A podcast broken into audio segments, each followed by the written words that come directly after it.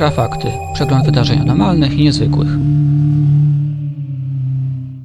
Witam w Infrafaktach, przeglądzie wydarzeń anormalnych i niezwykłych 9 stycznia 2011. Mówi Michał Kuśnierz, razem ze mną jest Piotr Cielebiać. Witaj Piotrze. Witam. Powiemy dzisiaj o e, niezwykłych przypadkach masowych śmierci zwierząt. Mówimy tutaj o ptakach i o rybach. Powiemy też o pewnych obserwacjach w Argentynie i o tym, że powołano tam specjalną oficjalnie co jest bardzo ciekawe z naszego punktu widzenia, jednostkę, która ma się zajmować tymi sprawami obserwacji UFO. No i jak zwykle to staje się naszą tradycją, że niemal co tydzień mamy jakieś rocznice. Oczywiście teraz też będzie rocznica wydarzenia w Arzini w Brazylii i też naszych polskich zdanów takiego przypadku, o którym się dużo mówi, a za chwilę do tego wrócimy. Także Piotrze, w stanie Arkansas w Stanach Zjednoczonych w noc sylwestrową doszło do niezwykłego zdarzenia. Otóż w pewnym ma ma małym miasteczku okazało się, że na ziemię pospadało tysiące ptaków. Później jeszcze do, do tej informacji doszły kolejne, mówiące o śmierci też ptaków, jak też i ryb. Rozgorzała bardzo gorąca dyskusja na ten temat, co mogło to spowodować. Ornitolodzy po jakimś czasie zaczęli mówić o tym, że być może ptaki padły po prostu ofiarą fajerwerków noworocznych. Ale to tłumaczenie chyba nie wydaje się zbyt wiarygodne. A no właśnie, najciekawsze w tym wszystkim jest to, że bodajże już kilka dni po tym wydarzeniu, o którym mówiłeś, pojawiły się nowe doniesienia tej treści. Mówiły również o śmierci ptaków, wkrótce pojawiły się doniesienia o śnięciu ryb i właściwie tych wydarzeń w ciągu ostatnich bodajże kilku, kilkunastu dni było bardzo dużo i teraz wszyscy się zastanawiałem, co się dzieje, skąd te nagłe incydenty, niepokojące incydenty, co ciekawe rozsiane po całym globie, bo okazało się również, że do czegoś podobnego doszło w Szwecji. Tam z kolei odkryto, że ptaki miały rzekomo nosić jakieś wewnętrzne obrażenia. No i teraz wszyscy się pytają, czego jest znak. Pojawiły się inne teorie. Jedna mówi po prostu o tym, że media nieco sztucznie połączyły ze sobą zdarzenia, które nie są wcale takie rzadkie. Natomiast najbardziej zdumiewało to, że większość z tego typu wydarzeń miała miejsce na terenie Ameryki Północnej. Niekiedy w dość bliskich odległościach od siebie. I tutaj powstaje pytanie, co się stało. Czy rzeczywiście odpowiedzialne za to były fajerwerki. No chyba to ta możliwość odpada do tego, że dowiedzieliśmy się niedawno, że kolejny tego typu incydent miał miejsce w Kanadzie. Cały czas szukamy odpowiedzi. Kto wie, czy nie leży ona w jakichś, no, bardzo nieciekawych sprawach związanych z naszym środowiskiem. Nie mówimy tu oczywiście o sprawach paranormalnych, lecz o czymś w rodzaju toksycznych zanieczyszczeń, które sprawiają, że te zwierzęta giną. Natomiast kiedy poruszyliśmy ten temat na forum, od razu ktoś przypomniał sobie o czymś takim z terenu naszego kraju, co miało miejsce jeszcze w latach 80. Tak, tak, właśnie o tym piszemy, a jeszcze pojawiły się też sugestie mówiące o tym, że być może te tajemnicze śmierci ptaków są spowodowane przebiegunowaniem ziemi, ale to już, tak powiem, teorie dosyć na wyrost, ale tak jak wspomniałeś, mówi się o, o tym przypadku, który mieliśmy w Polsce jakiś czas temu. Tak, miało miejsce w Radziewie Starym w roku 1983. Tam tuż przed tym incydentem miano obserwować zjawiska UFO. Wkrótce doszło do dziwnego zdarzenia, z nieba zaczęły spadać ptaki i niektórzy połączyli to sobie razem i, i powstała taka legenda, która mówiła, że UFO wytrzebiło stado kawek. Natomiast myślę, że trzeba jeszcze poczekać na ostateczne rozwiązanie tej sprawy związanej z obecnymi padnięciami masowymi i kto wie, jaki ten wyrok i werdykt będzie. No tak, tu na naszym forum też e, padła taka sugestia, ponieważ my żeśmy opublikowali na forum e, pewną e, mapkę, która pokazuje skalę występowania tego zjawiska, czyli masowego wymierania ptaków i ryb, a czasami też innych zwierząt. I ktoś tutaj zasugerował, że być może jest to związane z prądami morskimi po tym, co wydarzyło się w Zatoce Meksykańskiej. Także wszystko jest możliwe i zobaczymy, co, co jeszcze naukowcy, co nam zasugeruje jako rozwiązanie tego wydarzenia. Ale teraz może przejdźmy do Argentyny. W Argentynie od jakiegoś czasu obserwuje się wzrost relacji dotyczących UFO. My żeśmy tak trochę w infrafaktach szczątkowo o tym mówili, ale tego jest naprawdę dużo, bo to te relacje można liczyć w dziesiątki, jeśli nie w setki.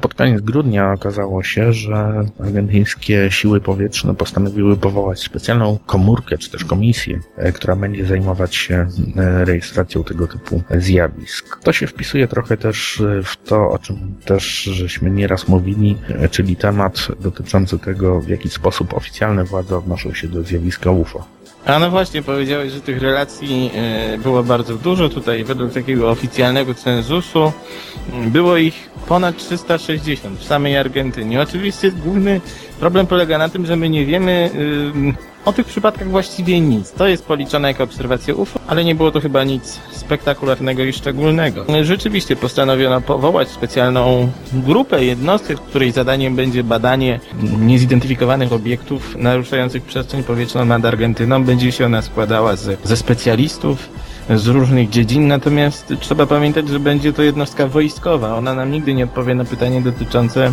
czym jest UFO. Ona będzie się starała rozwiązać różne przypadki, natomiast nigdy podobne przedsięwzięcie nie odpowie nam na pytanie, czym właściwie jest zjawisko UFO, a mówiąc dokładniej ten niewielki odsetek obserwacji, których nie da się wyjaśnić. Także pamiętajmy o tym, kiedy usłyszymy o podobnych przedsięwzięciach, bo na pewno coś takiego e, się wydarzy. Ale to na pewno jest ciekawe, bo jakby nie było, to jest oficjalne potwierdzenie tego, że wojsko w jakiś sposób będzie e, tym się interesować. A skoro jesteśmy już przy Ameryce Południowej, to powiedzmy o tym, co zapowiadałem na samym początku, bo mówiłem, że co i e, infrafakty, to i mamy jakieś rocznice. Otóż teraz zbliża się rocznica wydarzeń e, brazylijskiej w Warzini. Tam doszło do czegoś rzeczywiście niezwykłego, niesamowitego na skalę światową. E, o tym często się pisze i mówi.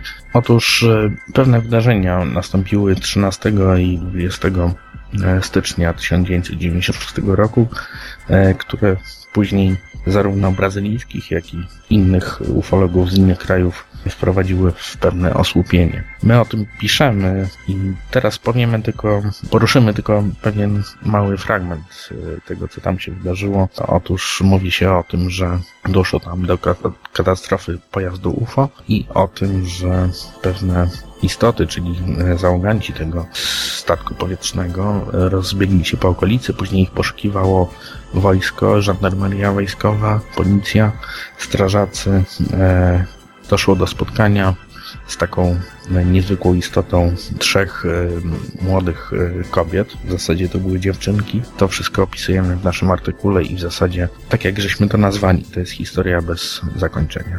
Tak, podsumowałeś właściwie e, cały ten przypadek, bo on polega na tym, że rzeczywiście coś się dzieje, następnie dziwne stworzenia uciekają, rozbiegają się po całej Warzini i wszystkie służby porządkowe mm, starają się je złapać i właściwie to wiadomo.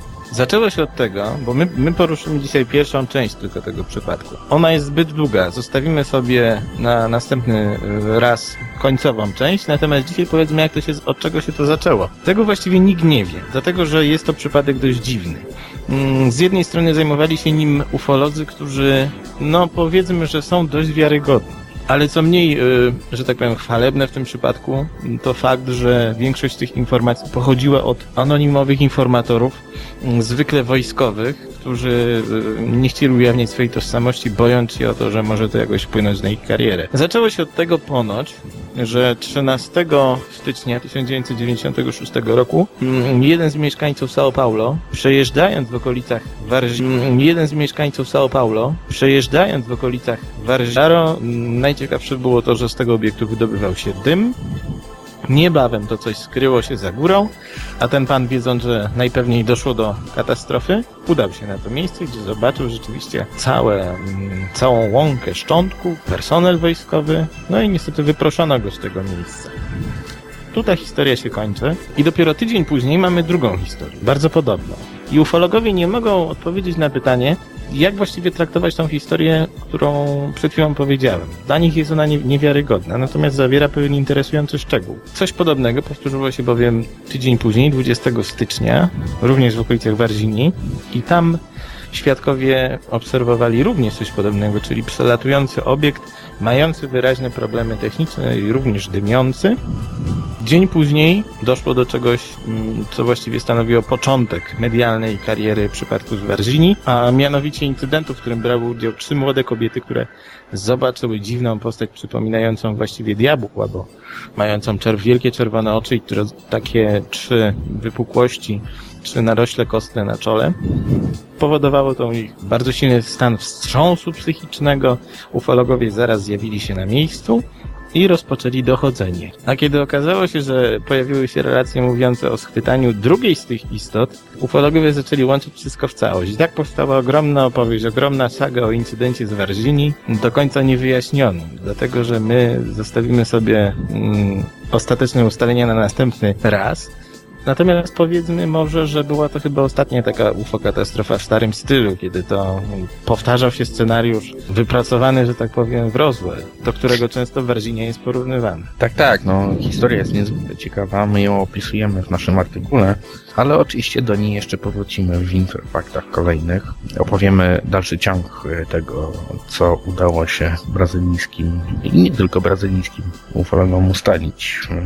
E, na koniec jeszcze może powiedzmy parę słów o rocznicy, która minęła wczoraj, e, czyli rocznicy utrwalenia pewnych dziwnych obiektów w Danach w Polsce, niedaleko Siedlec. Sprawa, która cały czas bulwersuje, e, dzieli polskie środowisko ufologiczne, e, wszystkich, którzy tym się zajmują. Jedni mówią o tym, że to jest najlepszy dowód na istnienie UFO, a inni z kolei mówią o wielkiej mistyfikacji. A no właśnie, historia ta rozpoczęła się w 2006 roku, 8 stycznia dokładnie i rzeczywiście wypłynęła jako jedna z wielu sensacji publikowanych przez Fakt. I następnie doszło do czegoś przedziwnego. Otóż kariera zdjęć, na których uwiecznione zostało coś, co przypomina dwie połączone ze sobą psie miski, zaczęła się rozwijać. I to w takim tempie, że wkrótce jedna z organizacji ufologicznych, powiedzmy Fundacja N, która twierdziła, że są to najlepsze zdjęcia UFO na świecie, zaczęła lansować bardzo dziwny mit odnoszący się do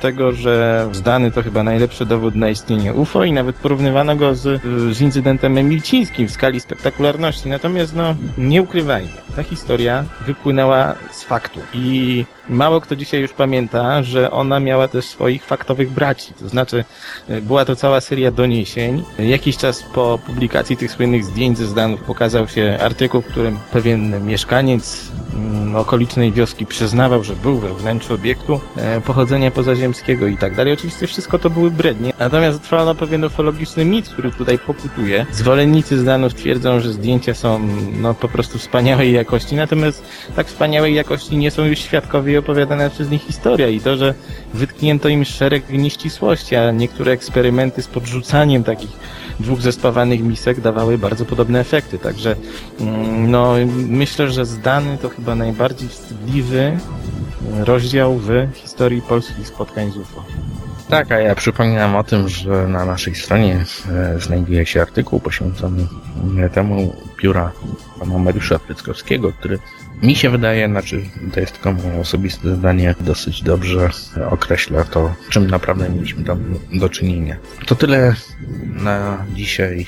Dziękuję Ci Piotrze. Ja również dziękuję. Zapraszam za tydzień. Będziemy jeszcze kontynuować opowieść o tym, co się wydarzyło w Wardzini w Brazylii w 1996 roku. Dziękuję bardzo. Do usłyszenia. Wysłuchaliście infrafaktów, czyli przeglądu wydarzeń anormalnych i niezwykłych. W programie wykorzystano utwór CJ Rogersa pod tytułem Back to You na licencji Creative Commons, realizacja Michał Kuśnierz i Piotr Cielebiaś dla Radia Wolne Media.